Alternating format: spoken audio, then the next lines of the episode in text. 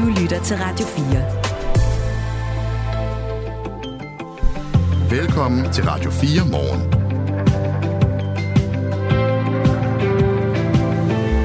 Halvdelen af vestens militærhjælp til Ukraine er forsinket, som lød det går fra landets forsvarsminister Rustem Umirov.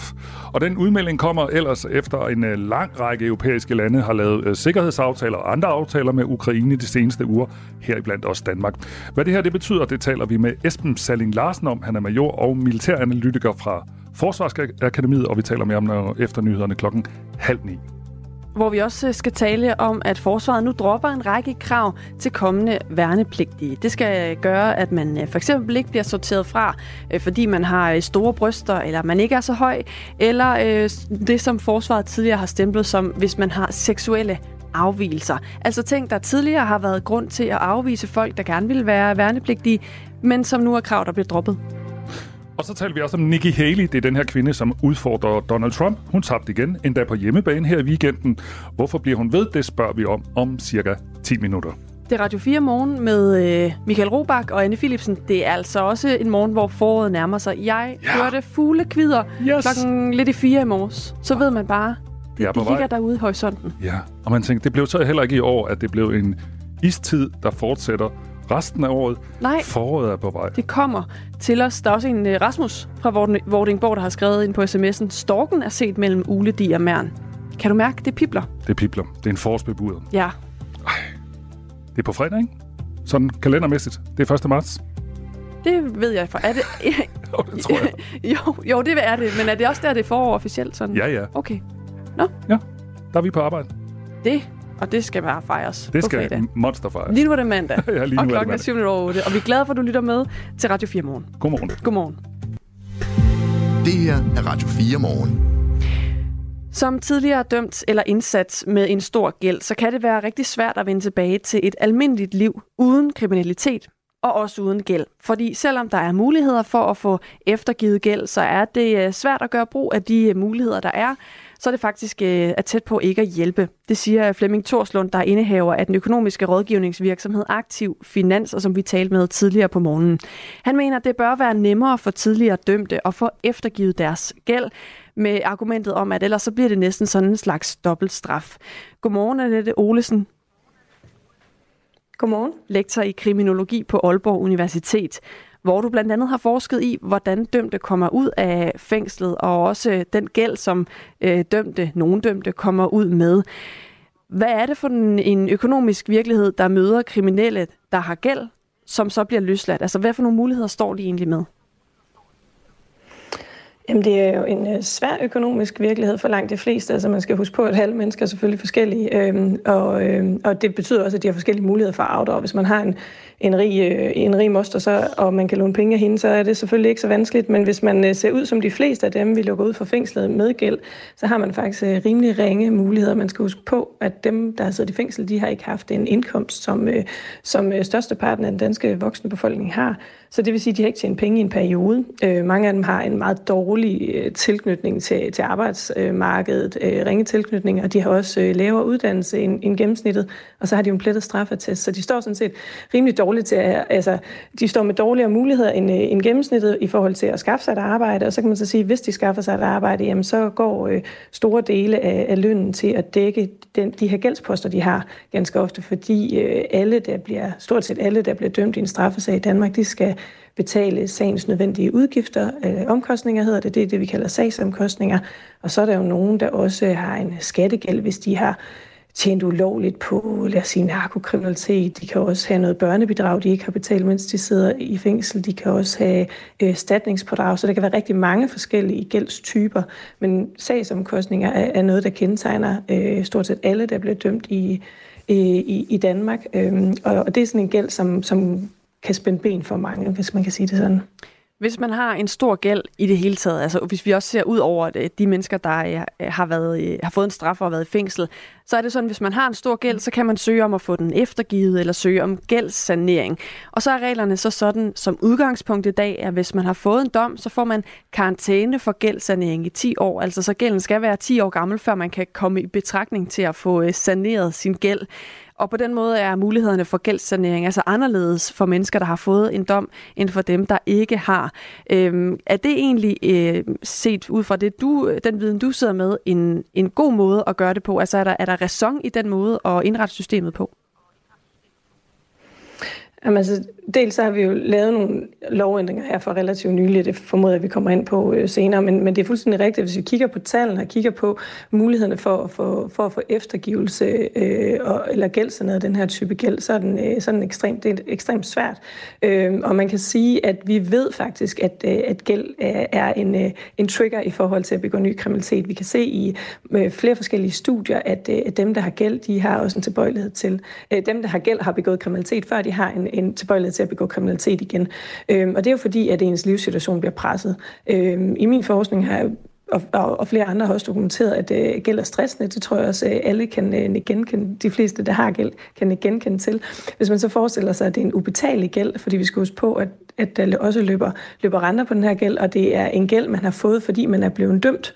Øh, lige kvæg det, øh, som, øh, som jeg tidligere, øh, hvad hedder det, øh, øh, I havde inde i studiet, øh, også nævne den her med den uformelle straf. Altså det, man har sådan set fået en straf, og så får man en økonomisk straf oveni.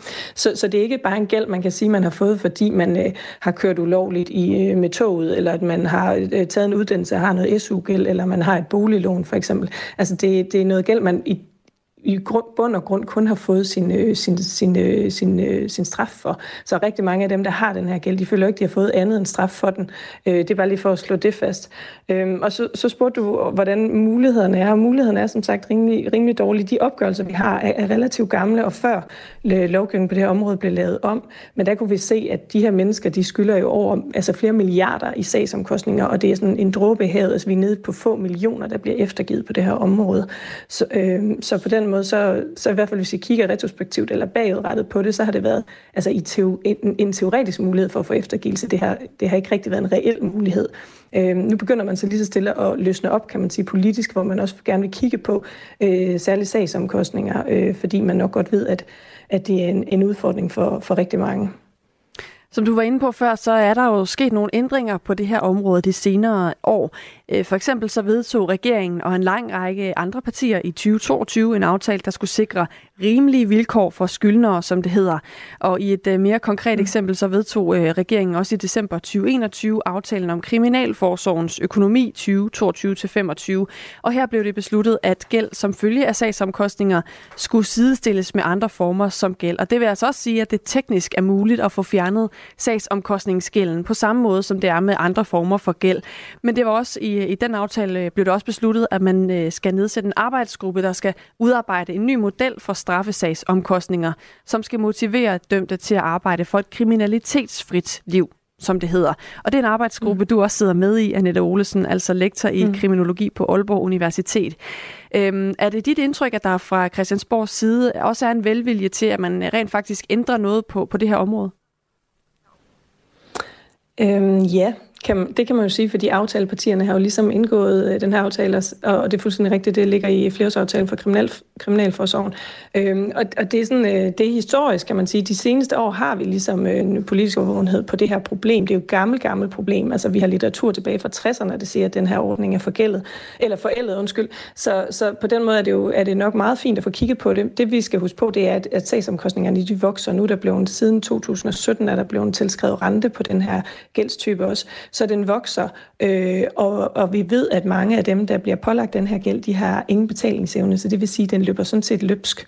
Øh, og det betyder selvfølgelig, at det er noget gæld, de skylder staten, men omvendt så er det noget gæld, der er meget, meget svært at inddrive måske umuligt at inddrive. Så konsekvenserne ved at pålægge den her, øh, den her, øh, den her gruppe øh, mennesker den her type gæld er, kan faktisk være fatal, fordi vi kan holde nogen fra at forsøge at uddanne sig og finde beskæftigelse på lovlig vis. Så vi kan simpelthen øh, undergrave vores egne øh, resocialiserende indsatser, og derfor synes jeg, det er kærkommende, at politikerne, kan man sige langt om længe, øh, har, fundet, øh, har fundet flertal til at, at kigge på den her, på en ny ordning.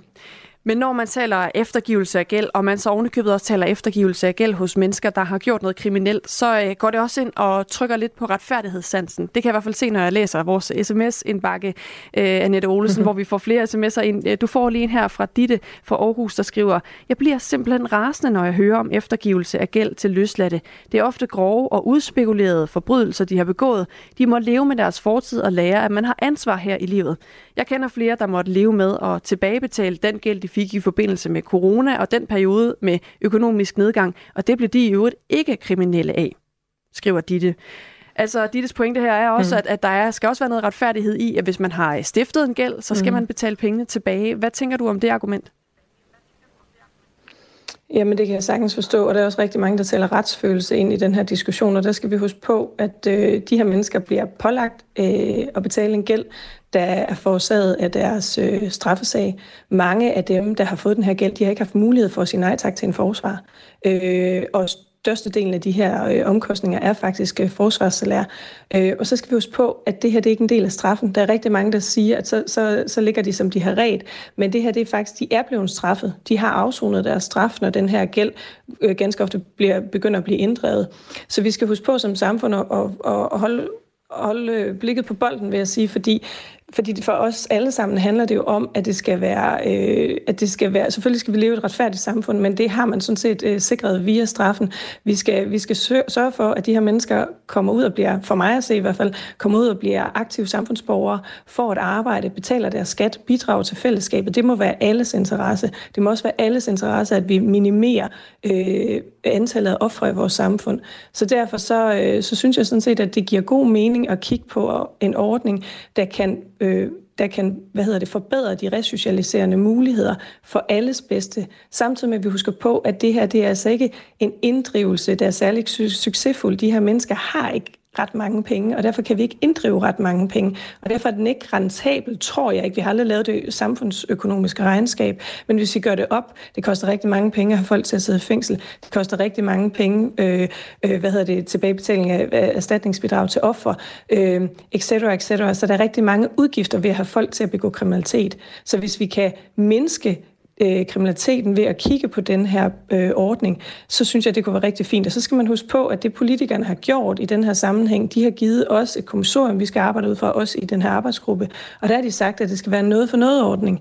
Så det vil sige, at man skal holde sig kriminalitetsfri en given periode, før man kan, øh, hvad hedder det, før man kan... Øh, øh, få eftergivet den her gældstype. Og samtidig med, så har de også påpeget, at, at hvis, man, hvis man kan betale, så skal man også betale. Så det her det, handler altså om at sige, at dem, der koster samfundet rigtig meget øh, i forhold til, at de begår kriminalitet og ikke har betalingsevne, dem skal, vi nok, øh, dem skal vi nok gøre noget ved. Eller hvis vi kan give dem en gulerod til at komme ud af kriminaliteten, så er det godt givet ud for alle. Så jeg forstår godt hendes rationale, men jeg tænker, hvis man kigger på det ud fra et samfundsøkonomisk og også et trygheds- sikkerhedsperspektiv, så er der faktisk ret meget vundet ved det her. Øhm, ja. Mm. Tak fordi du ville svare på den sms og de andre spørgsmål, Annette Olsen. Selvfølgelig. Som altså er lektor i kriminologi på Aalborg Universitet. Aalborg Universitet hedder det. Klokken er 18 minutter over 8. Gå på opdagelse i et univers af podcast i Radio 4's app. Du kan finde alt lige fra undersøgende dokumentar, de bedste portrætter og stærke politiske debatter. Download Radio 4's app og få meget mere Radio 4. Det går ikke så godt for Donald Trumps udfordrer Nikki Haley. Som de fleste sikkert ved, så er amerikanerne i gang med at vælge republikanernes præsidentkandidat, og de eneste kandidater, der er tilbage, er Donald Trump og så den tidligere FN-ambassadør Nikki Haley, i hvert fald hvis vi kigger over hos øh, republikanerne. I weekenden der galt det så primærvalget i Nikki Haleys egen hjemstat, øh, South Carolina, og ligesom i de første fire staters primærvalg, så tabte hun altså igen stort til Trump. Og det gør, at ingen reelt spår Nikki Haley nogen chancer mod Trump. Men hvorfor kaster Nikki Haley sig så ikke bare håndklædet i ringen? i ringen. Det skal vi tale om nu. Niels Bjerg Poulsen er lektor på Center for Amerikanske Studier på Syddansk Universitet. Godmorgen. Der var du. Er du der, Niels? Jeg har skruet op på den forkerte. Jeg er med. Ja, ja. det er godt. Ja. Det er godt, det er godt. Jeg, lige, jeg, jeg sad lige og pillede lidt ved de forkerte knapper.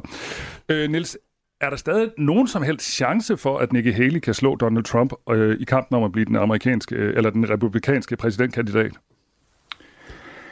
Det tror jeg ikke i, i det kapløb om delegerede. Det, der sker ved de her primærvalg, det er jo, at øh, i hver stat kan kandidaterne vinde et antal delegerede, og øh, South Carolina er et meget godt eksempel. Øh, Nikki Haley fik 40 procent af stemmerne, øh, og det var der nogen, der syntes, at det var bedre end forventet, fordi de kun havde forventet, at hun fik 30.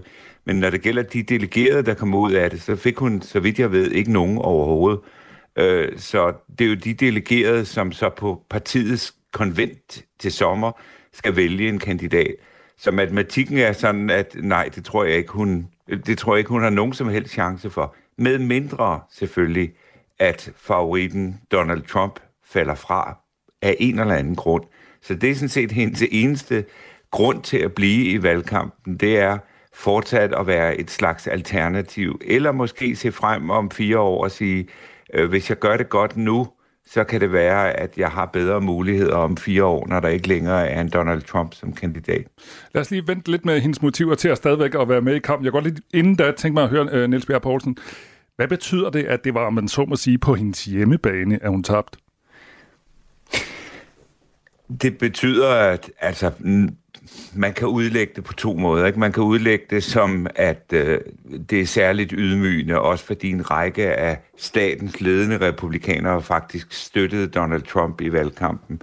Øh, hun har været en ret populær guvernør. Hun var der i, i otte år, men øh, det vil i hvert fald få nogen til at sige, hvis ikke hun kan vinde mere end 40 procent af stemmerne, selv i sin egen hjemstat, øh, så har hun ingen muligheder i nogle af de andre stater.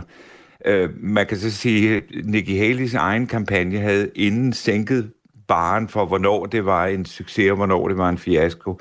Ved at sige, meningsmålingerne står hun til 30 procent, og så fik hun 40.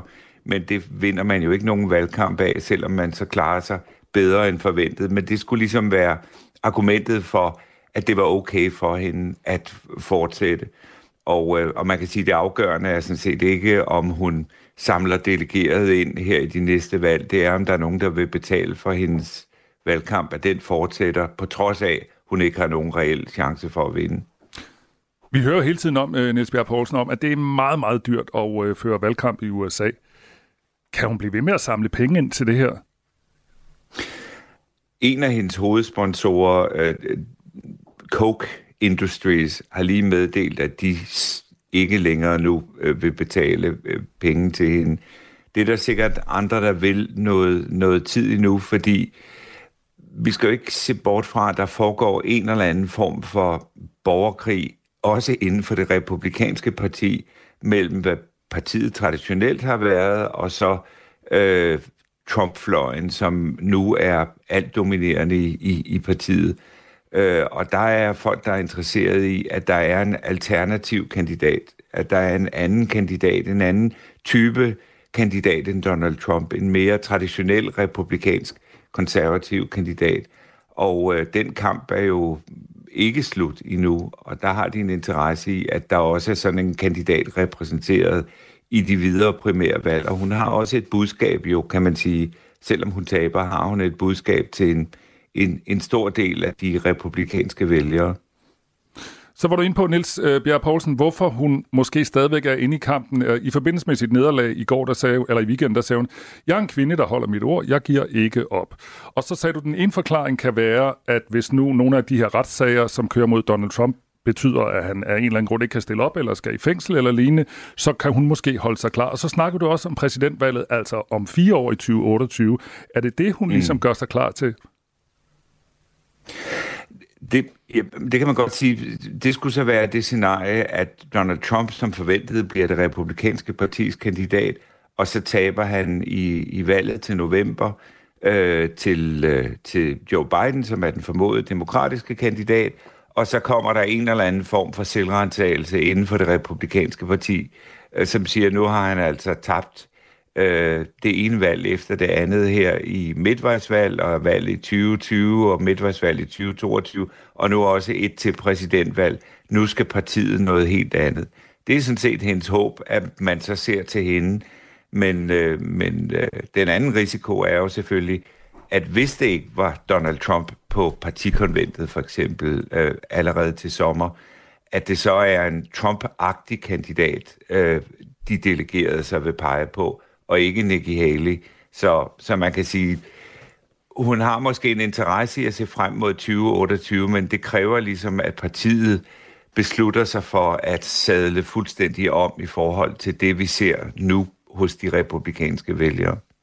Nikki Haley har også meldt ud, at hun i hvert fald fortsætter til uh, Super Tuesday, som er den 5. marts, hvor der er primærvalg i 16 delst, uh, delstater. Er det så din fornemmelse, uh, Niels Bjerg Poulsen, at hun kommer til at trække sig derefter? Ja, det tror jeg. Det tror jeg er, er realistisk. Altså Super Tuesday, der bliver øh, over en tredjedel af, af de her delegerede fordelt. Og øh, hvis hun skal have nogen indflydelse, også hvis hun skal være et alternativ på partikonventet, hvis alt muligt andet sker, øh, Donald Trump falder fra som kandidat, hvilket er meget, meget svært at forestille sig, øh, så skal hun have nogle delegerede at handle med, på partikonventet og sige, jeg er altså det bedste alternativ, fordi jeg har trods alt samlet x antal delegerede. Og lige nu har hun stort set ingen samlet, kan man sige. Så øh, på partikonventet vil andre sige, okay, hvis det ikke er Donald Trump, så vælger vi en anden kandidat. Det behøver ikke at være en, der har ført valgkamp øh, lige til efter Super Tuesday. Det kunne være en helt anden kandidat, som vi synes er tættere på, hvad Donald Trump repræsenterer, end Nikki Haley er. Niels Bjerg Poulsen er lektor på Center for Amerikanske Studier på Syddansk Universitet. Tak fordi du var med i Radio 4 morgen. Jamen selv tak.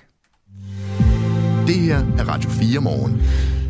Anne, nu talte du om, at du havde hørt fuglesang klokken 4 mm-hmm, i morges, mm-hmm. og det var sådan øh, næsten som at høre en symfoni. Ja, Fordi sagde du, jeg det? Nej, det Nej. siger jeg. Lægger du ord i munden på mig. Men Ja. det, jeg vil jeg godt gå med til det. Det var en forårsbebuder. Det var en forspilsbuder. Mm. Så nu har jeg besluttet mig for lige at lave en forårsquiz. Er du klar? Det kan du tro. Og den er musikalsk. Ja. Kommer her.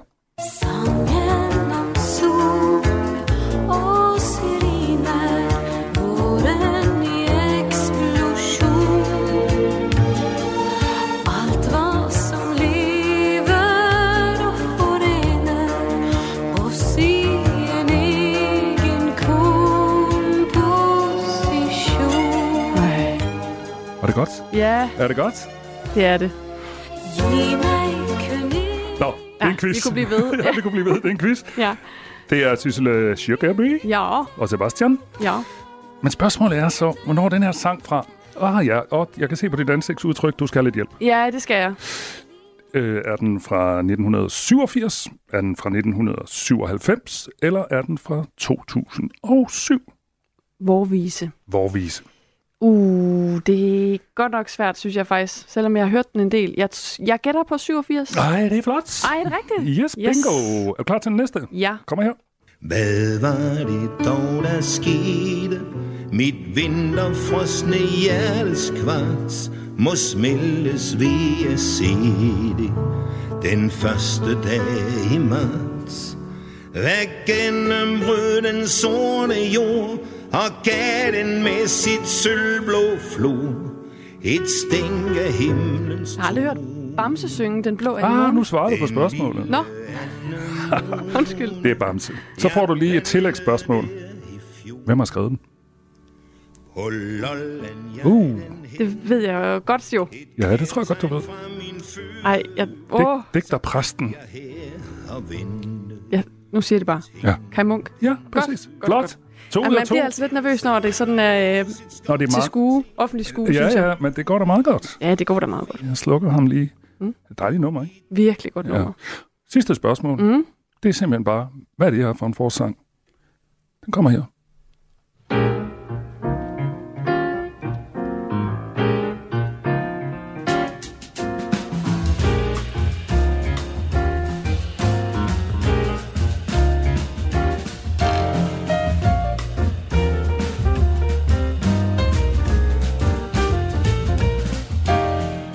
Skal slippe os. Er det ikke det? Nå. Nej, nej. Nå.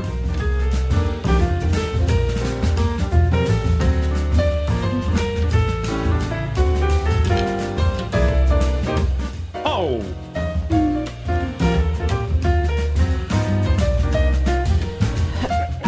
Ja, Ja, nu, nu bliver det jazzquizzen. så er der jazz.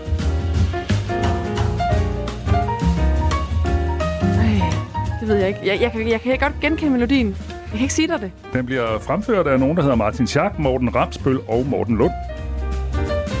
Ja. Ja. Det er meget skønt, ikke? Jo, Meget jazzy. du er meget øh, overlegen lige nu, synes jeg. Ah, prøv, du har, du har klaret to ud af to. Ud af to. Jo, jo. Ja.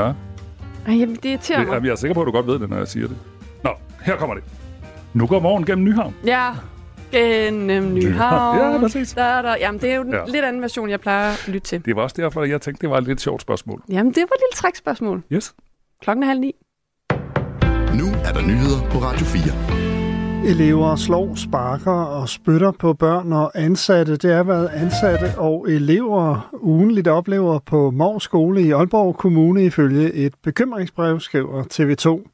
Brevet, som halvdelen af det pædagogiske personale på skolen har underskrevet, er sendt til skolebestyrelsen, fordi de ansatte oplever, at skoleledelsen ikke tager problemerne alvorligt.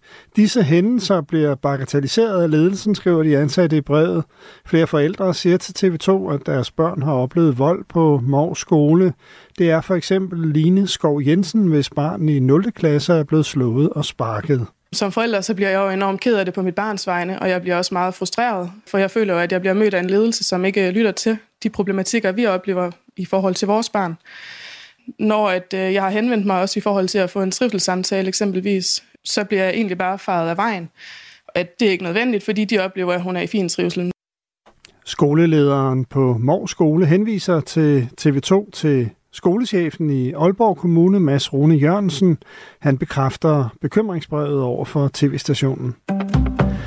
Regioner og Sundhedskartellet har indgået overenskomstaftale. Danske regioner skriver, at man har indgået en aftale med kartellet, der repræsenterer otte organisationer på sundhedsområdet herunder sygeplejerskerne. Regionerne og lønmodtagerorganisationerne blev i sidste uge enige om en samlet økonomisk ramme for lønstigninger og forbedrede arbejdsvilkår på 8,8 procent i den kommende overenskomstperiode. Her blev der blandt andet afsat en såkaldt organisationspulje på 2 procent til forhandlingerne om de enkelte faggruppers individuelle vilkår, og det er dem, som Sundhedskartellet og regionerne har forhandlet om i weekenden. Sundhedskartellet omfatter 90.000 medlemmer og tæller for uden sygeplejerskerne blandt andet også tandplejere, fodterapeuter, bioanalytikere og radiografer både på det kommunale og regionale område. Meta, der står bag Facebook, nedsætter en enhed til at håndtere misinformation og misbrug af indholdsskabende kunstig intelligens. Det sker forud for det kommende valg til Europaparlamentet på baggrund af bekymringer om, at misvisende AI-genereret indhold kan påvirke valget. Indholdsskabende kunstig intelligens har været et område for stor vækst, og teknologien er både i stand til at skabe tekst, billeder og videoer. Det har skubbet til frygten for, at den vil blive brugt til at påvirke valg rundt omkring i verden. Valget til Europaparlamentet finder sted fra den 6. til den 9. juni. I Danmark afholdes det søndag den 9. juni. Det var ikke noget avanceret angreb, som lagde flere hjemmesider ned i går, det siger Jens Myhr Pedersen, professor i cybersikkerhed ved Aalborg Universitet. Jeg kan forstå mig ved, at det er et overbelastningsangreb, som vi har set. Man kan sige, at det er, det er måske nok mere avanceret end dem, der har været tidligere, men det er stadigvæk kun et overbelastningsangreb. Det vil sige, at man tager en hjemmeside ned øh, midlertidigt, og når angrebet ophører, så kommer hjemmesiden op og kører igen, så der er jo ikke sådan en permanent skade på noget, og derfor synes jeg heller ikke, det, det er jo ikke sådan et rigtigt hackerangreb. Det er mere, det er mere irriterende. Flere hjemmesider blev i går lagt ned efter at være ramt af et cyberangreb. Det gælder blandt andet Københavns Lufthavn, Trafikstyrelsen og Movia. Ifølge TV2 er det en russisk, russisk hackergruppe, som står bag. Også Tisted Kommune fik lagt sin hjemmeside ned. Angrebet var ifølge kommunen rettet mod Tisted Lufthavn. Men det er ikke så meget den her type angreb, jeg er bange for. Jeg er mere angreb, er bange for angreb, hvor man sådan lægger ting ned øh, permanent eller får adgang til systemer og data, som man ikke burde have adgang til at bruge de adgange, enten til at få adgang til personoplysninger eller lægge systemer ned i længere tid. Lidt sol, 4-7 grader og svag til jævn vind omkring nord. Det her er Radio 4 morgen. Husk, at du kan sende os en sms på 1424. Halvdelen af vestens militærhjælp til Ukraine er forsinket, sådan lyder det fra Ukraines forsvarsminister Rustov Umerov. Den øh, udmelding kom i går efter en lang række europæiske lande har lavet sikkerhedsaftaler og andre aftaler med Ukraine de seneste uger heriblandt også Danmark. Det er aftaler, der skal bidrage til at sikre, sikre en langsigtet støtte til Ukraine. Esben Salling Larsen er major og militær analytiker ved Forsvarsakademiet. Godmorgen. Godmorgen. Først, øh, passer det, at halvdelen af den militære hjælp fra Vesten er forsinket? Ja, det, når man ser ud over hele perioden, hvor der er givet vestlig hjælp, så er det nok overdrevet. Men i forhold til øh, meget konkret artilleriammunition, øh, så, så nærmer det sig, at, at vi har noget meget forsinket leverance i forhold til, hvad EU-landene lovede sidste sommer. Så den øh, ukrainske forsvarsminister øh, overdriver lidt på nogle punkter, eller hvad? Øh, generelt så er, det, så er det en overdrivelse, men, men, men lige konkret i forhold til artilleriammunition, så er der en meget øh, kritisk situation, der nok har øh, udløst, at han siger, som han gør. Mm. Og hvad, lad os lige runde det så. Hvad er det med det her artilleriammunition, som gør, at øh, vi ikke kan levere det, vi lover? Jamen det EU-landene øh, lovede sidste år, det var at levere en million øh, øh, granater. Øh, og det som EU gjorde, var at at der er nogle penge til rådighed, således at når landene donerer for deres egne lager, så øh, kan de få delvis dækket og få genopfyldt lagerne. Men problemet har i høj grad været øh, manglende vilje til og, øh, og evne til at donere for eksisterende lager, måske også fordi, at øh, der ikke har været udsigt til, at man kunne få genopfyldt hurtigt fra øh, industrien. Så, så det er sådan grundproblemet, og det er derfor, at EU øh, har været ude omkring øh, at fremme produktion, netop for at gøre det sandsynligt, at hvis man donerer til Ukraine, kan man relativt hurtigt igen få fyldt lærerne op. Nu hører vi jo hele tiden herhjemme om, at nu er der nye penge på vej til øh, Ukraine, og der har været en masse øh, sådan øh, hjælpepakker til Ukraine af forskellige øh, slags, og store og små. Hvis man sådan kigger ud over landets grænser, har Vesten så været god til at bidrage med, øh, med militærkram og penge til Ukraine? Kan man sige noget om det sådan overordnet? Altså overordnet har der været en, en, en, en, en, en stor øh, tilflydning af militære donationer.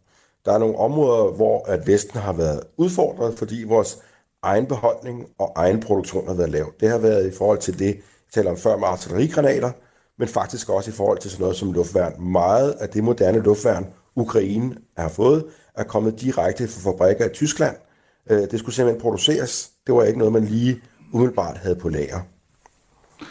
Krig mod Rusland øh, har kostet 31.000 øh, ukrainske soldater livet, det fortalte øh, øh, Ukrains præsident Zelensky på et pressemøde i Kiev søndag eftermiddag.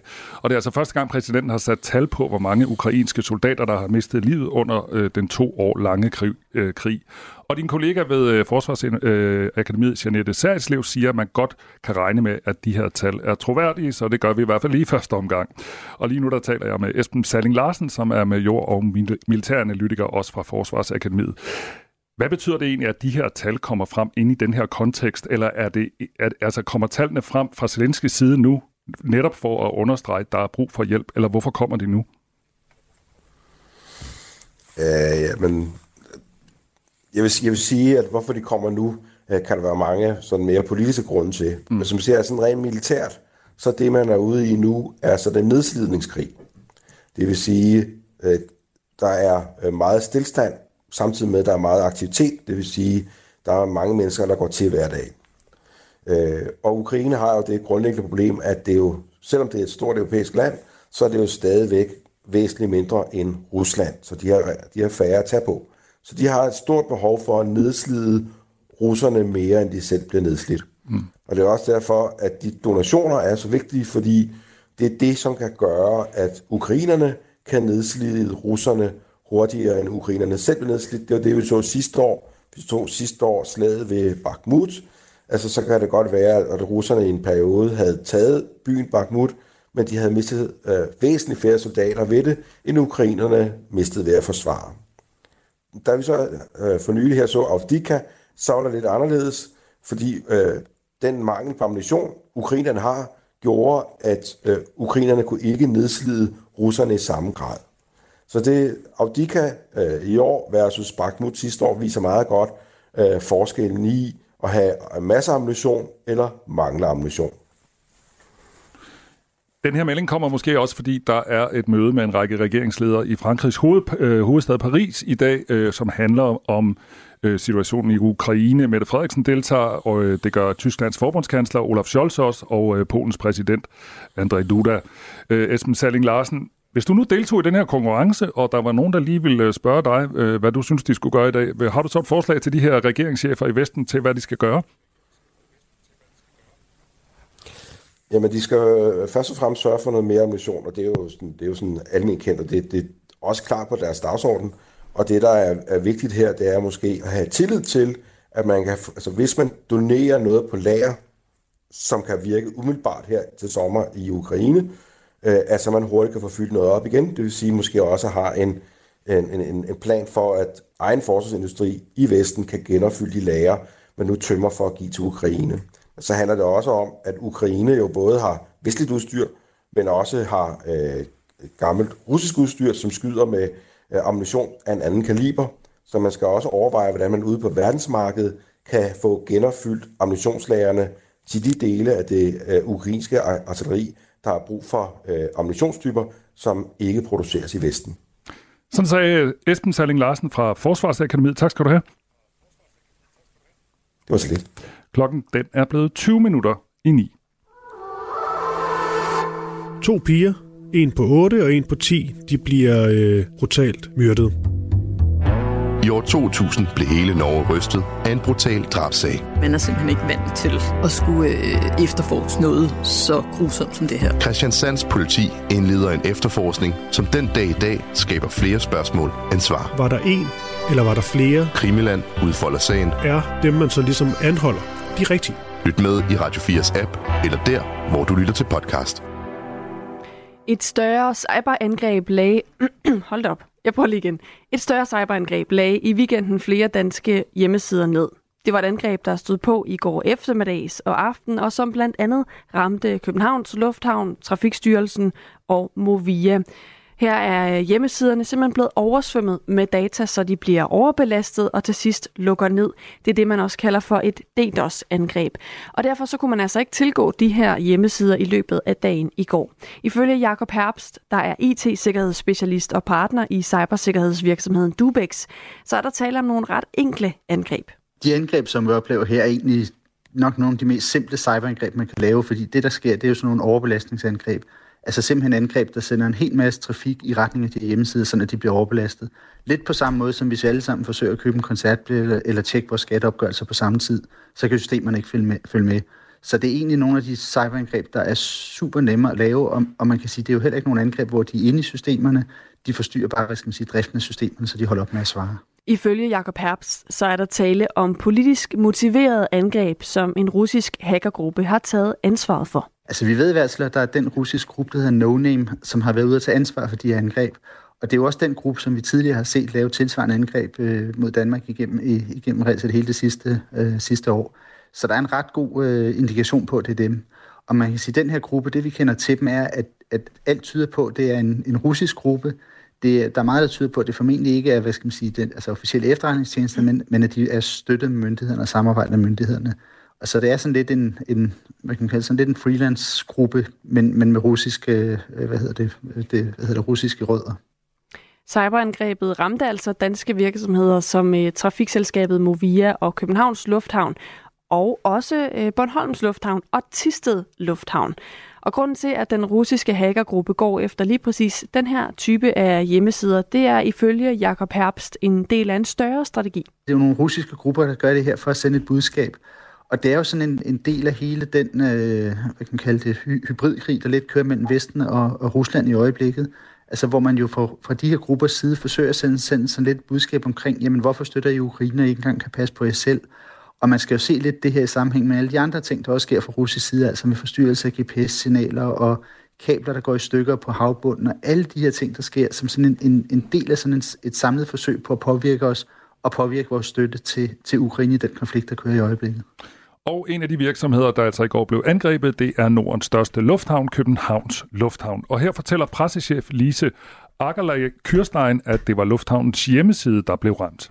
Der skete det, at øh, vi kunne konstatere, at øh, cirka ved halv 11-tiden om formiddagen, så gik vores hjemmeside ned. Og det vil sige, at vores passagerer ikke kunne orientere sig på Lufthavns hjemmeside. Vi overvåger jo selvfølgelig hele tiden øh, vores hjemmeside og alt muligt andet, øh, så, så det opdagede vi sådan set med det samme.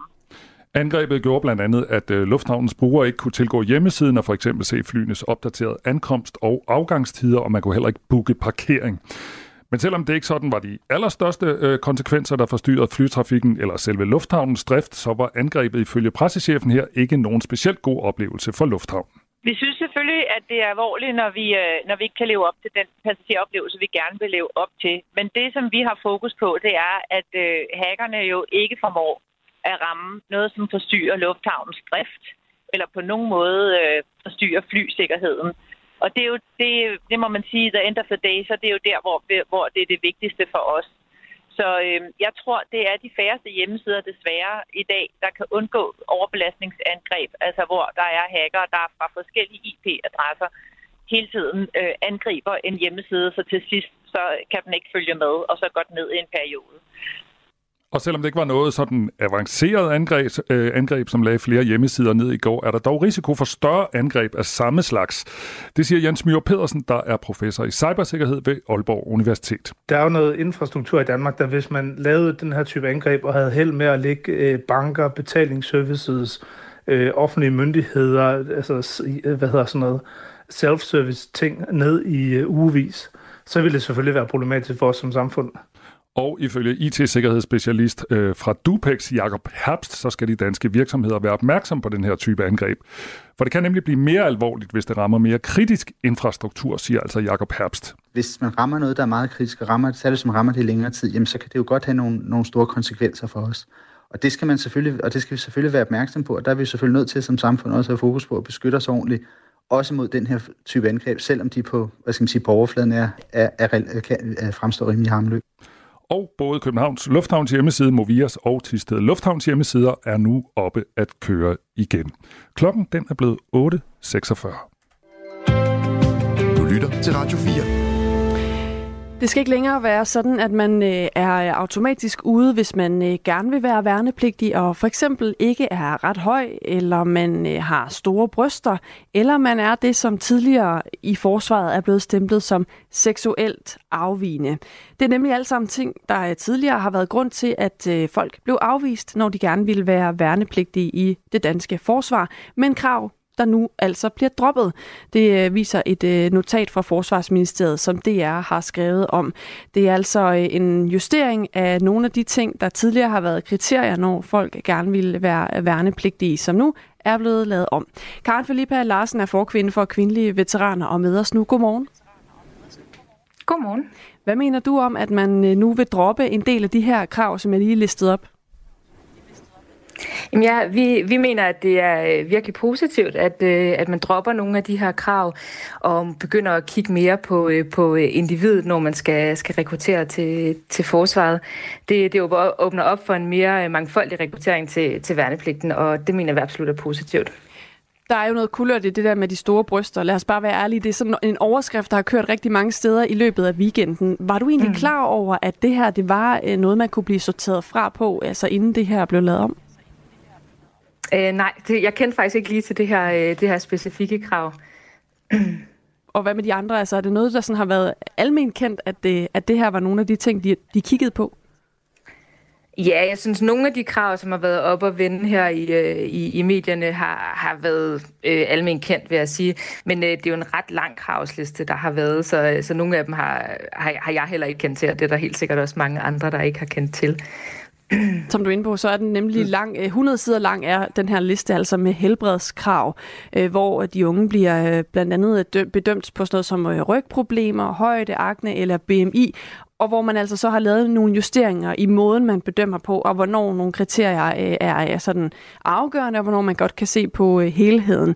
Ifølge DR så er der et stigende antal, der bliver erklæret uegnede, når de møder op til sessionsdagen. Og mange bliver øh, sorteret fra allerede inden de møder op, fordi øh, de har øh, psykiske udfordringer eller helbredsproblemer. Øh, de her regler, der hidtil har været, øh, også hvor man altså bruger øh, øh, for eksempel sådan noget som BMI, som et meget firkantet krav på en eller anden måde, eller, eller højden også har været sådan en et ja-nej-ting. Øh, hvad er din holdning til de, de regler, der har været indtil nu, altså indtil de blev ændret? Mm. Jamen, jeg synes jo, at de her krav, de viser, at man øh, i forsvaret, og som måske også øh, lidt i, for, i, i samfundet øh, bredt, har haft sådan en ret snæver forståelse af, hvem øh, en rigtig soldat er, øh, for sådan at passe ind i alle de her øh, mange, mange, mange krav. Ikke? Øh, omvendt så mener jeg virkelig, at, øh, at øh, de her nye tiltag, det sender et rigtig stærkt signal fra forsvaret om, at man er, man er klar til sådan at gøre op med gamle tiders syn på, på soldaten. Og, og så mener jeg virkelig, at det er rigtig positivt, at man går væk fra de her, som du siger, sådan øh, ja-nej-krav, og så til sådan at kigge på en helhedsvurdering af, af personen. Øhm, der er jo selvfølgelig stadigvæk nogle krav, der bliver stillet, når man øh, skal vurdere, om folk kan rekrutteres til værnepligten.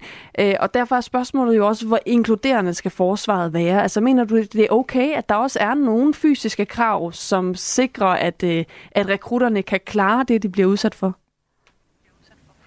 Ja, altså jeg, jeg mener som udgangspunkt, at det selvfølgelig må der gerne være krav for at, at komme ind i værnepligten. Det, det kan også give rigtig god mening, at der er nogle krav i forhold til, at øh, det er jo en ret hård fysisk øh, udfordring, man, man står overfor som værnepligtig. Men, men jeg håber bare, at forsvaret med det her øh, vil øh, kigge mere på øh, den enkelte person, og om den enkelte person øh, kan klare den her værnepligt, og, og også øh, hvor motiveret den her person er for, den, for at komme i værnepligten.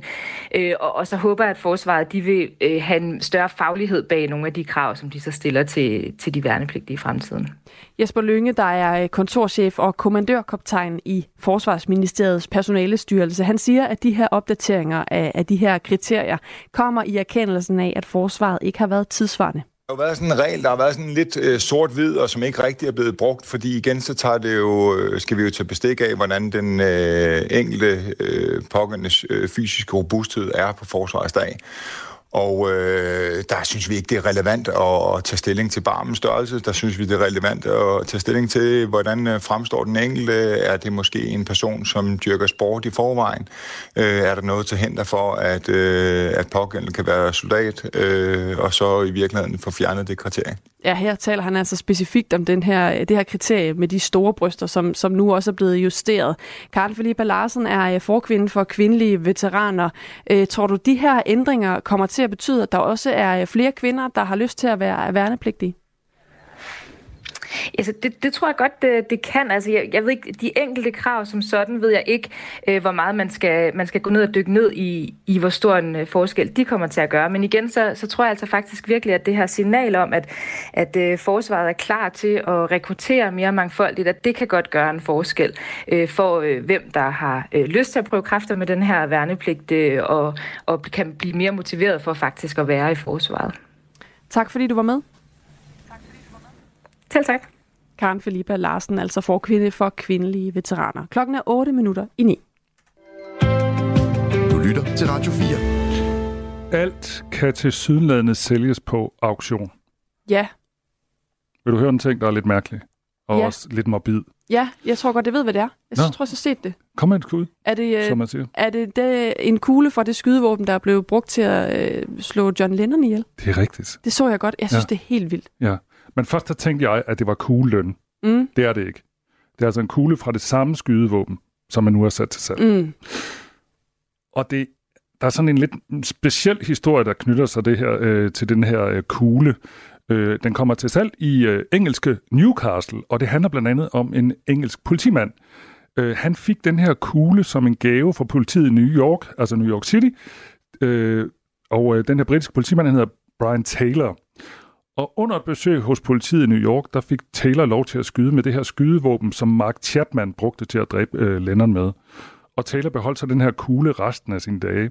Og det er så nu, at øh, betjentens familie sælger, sælger den her kugle på auktion.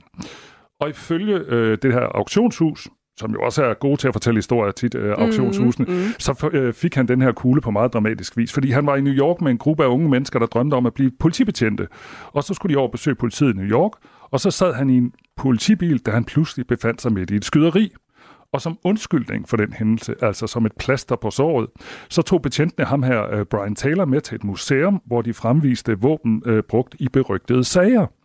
Og her fik han så lov til at affyre det der skydevåben, som Mark Chapman øh, havde brugt øh, til drabet på Lennon, og så efterfølgende så beholdt han kuglen. Det er stadigvæk, synes jeg, mor- lidt en morbid auktion. Jeg er helt enig. En kugle fra det skydevåben, der blev brugt til drabet på Beatles medlemmet John Lennon. Mm. Mm. Underligt. Ja. Men kuglen kommer til salg den øh, 29. februar, hvis man nu har hørt den her historie og er interesseret. Det her er Radio 4 morgen. Husk, at du kan sende os en sms 1424. Næsten 75.000 danskere har indberettet formodede bivirkninger efter vaccination mod covid-19.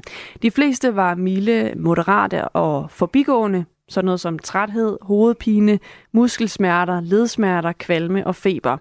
Og nu bekræfter verdens største studie af covid-19-vaccinernes sikkerhed, at de alvorlige bivirkninger efter vaccinationen er sjældne. Det er forskere fra Statens Serum Institut, der er med i et nyt stort studie af coronavaccinernes sikkerhed med hele 99 millioner deltagere fra otte lande. Camilla Fode er professor i vaccinedesign på Københavns Universitet, og hun fortæller, at man nu endelig helt sikkert har slået fast, at de alvorlige bivirkninger af vaccinen har været rigtig sjældne. Hovedkonklusionen er sådan set, hvad vi, hvad vi vidste i forvejen, at de, de her meget sjældne bivirkninger forekommer ikke særlig tit. Vi kender øh, de her meget sjældne bivirkninger fra mRNA-vaccinerne. Øh, de kan give betændelse både i hjertemuskel og hjertehinden, så det er en kendt bivirkning. Øh, AstraZeneca-vaccinen øh, kan give lammelser og blodprop i hjernen. Det var derfor, vi tog den ud af det danske vaccinationsprogram. Og så har man fundet, at Moderna-vaccinen kan give øh, akut betændelse i, i hjernen og rygmarv, men i meget sjældne tilfælde. I en ud af øh, 1,75 millioner tilfælde. Så, så det er meget sjældne bivirkninger, som man kun kan sætte tal på, hvis man øh, sammenligner meget store øh, øh, datamængder. Sammen med forskere fra hele verden, der har forskerne fra Statens Serum Institut undersøgt risikoen for alvorlige bivirkninger i 42 dage efter mere end 242 millioner doser covid-19-vaccine. I studiet deltog øh, Argentina, Australien, Frankrig, New Zealand, Skotland, Kanada, Finland og altså også Danmark. Og Camilla Fode siger, at studiet er vigtig læring for fremtidens vacciner. Ja, os, der laver vacciner, kan bruge det til at lave øh, bedre vacciner. Vi kan tage de her meget sjældne vacciner øh, eller bivirkninger med i vores betragtninger, øh, når vi designer vacciner øh, i fremtiden hjertehindebetændelse og hjerte, øh, betændelse i hjertesækken er øh, kendte øh, og alvorlige bivirkninger, heldigvis sjældne, men, men det er noget, vi gerne vil undgå i fremtiden. Øhm, og kender man en bivirkning, er det nemmere at, at øh, tage forholdsregler øh, i forhold til at, at, at behandle de her alvorlige bivirkninger. Sådan sagde altså Camilla Fode, der er professor i vaccinedesign på Københavns Universitet. Det her er Radio 4 morgen. Husk, at du kan sende os en sms 1424. Og vi er ved at være ved vejs ende for denne her morgens øh, Radio 4 morgen. Og om lidt, altså efter nyhederne, så er der øh, vores politiske magasin, der hedder Det Røde Hjørne. Og i dag i Det Røde Hjørne, der skal Socialdemokratiets Rasmus Stoklund og enhedslistens Trine Pertumak gør os kloge på, om vi i Danmark er forberedte på krig og k- krise her to år efter Ruslands krig i Ukraine. Og det er Ida Meier, der er vært på det røde hjørne. Hvilke spørgsmål er det egentlig, du gerne vil have svar på i dag, Ida? Jamen i dag, der kunne jeg godt tænke mig at gå øh, de her øh, to politikere lidt på klingen, fordi der er jo eksperter, som siger, at det vil være en god idé at, at forberede sig på, på krig og, og krise, som I siger. Der er også en øh, civil forsvarsminister fra vores øh, naboland Sverige, som har sagt, at, at befolkningen gerne må være forberedt øh, på krise. Så, så jeg kunne godt tænke mig at høre, hvorfor vi ikke er der i Danmark, altså, og, og, og bør vi være der? Tager vi situationen alvorligt nok simpelthen? Ved du noget om, hvorvidt Rasmus Stocklund og Trine Pertumak egentlig har vand og tun i kælderen? Det er noget af det, som jeg vil spørge dem om aller, aller først. Øh, om de selv er i gang med at preppe, for det er selvfølgelig super interessant. Tak skal du have, og det er altså det røde hjørne med Ida Meier, og det er efter nyhederne klokken 9, altså 9.05, der er det røde hjørne. Og efter nyhederne kl. 10, der er der ring til Radio 4, som øh, her til formiddag skal debattere øh, blandt andet, om vi egentlig kan bruge navne på storme til noget. Det er sådan lidt en, øh, en meteorologdiskussion, der nogle gange kører det her med, øh, når vi giver stormene navne, hvad skal det til for, og, og hvad er kri- kriterierne osv. Det Ja. er øh, TV2 og DMI, der sådan skal krydse Ja, klinger. præcis. Der var sådan en konflikt der i sidste uge, hvor Rolf, stormen Rolf, var på vej til Danmark, hvor øh, TV2's øh, Peter Tanef kritiserede DMI for, at de var alt for sene ude og navngive den her storm. Fordi den har sådan en kommunikativ effekt, det her med, at vi alle sammen ved, hvad stormen hedder. Det bliver spændende. Mm. Det skal også handle om, at øh, Grønland gerne vil bestemme mere over øh, egen sikkerheds- og udenrigspolitik, men skal de have lov til det? Det øh, er et medlem af Landstinget for Siumut, og så en forsker i international politik i Arktis ved Forsvarsakademiet, der skal være med til at sådan, belyse det sammen med alle dem, der lytter med. For Ring til Radio 4 er jo altså et program, hvor man kan blande sig og skal blande sig i debatten ved at sende en sms eller ringe ind til programmet. Og indgangen er i hvert fald, når det handler om sms'er, den samme indgang, som når man øh, skriver til Radio 4 morgen. Det er 1424, 1424, og det er helt gratis, hvis man vil blande sig i debatten. Lad det være en opfordring, og ellers så uh, tusind tak for uh, nu fra ja. Michael Robach og Anne Philipsen. Yes. Klokken er ni. Vi skal nu høre fra Henrik Møring. Du har lyttet til en podcast fra Radio 4. Find flere episoder i vores app, eller der, hvor du lytter til podcast.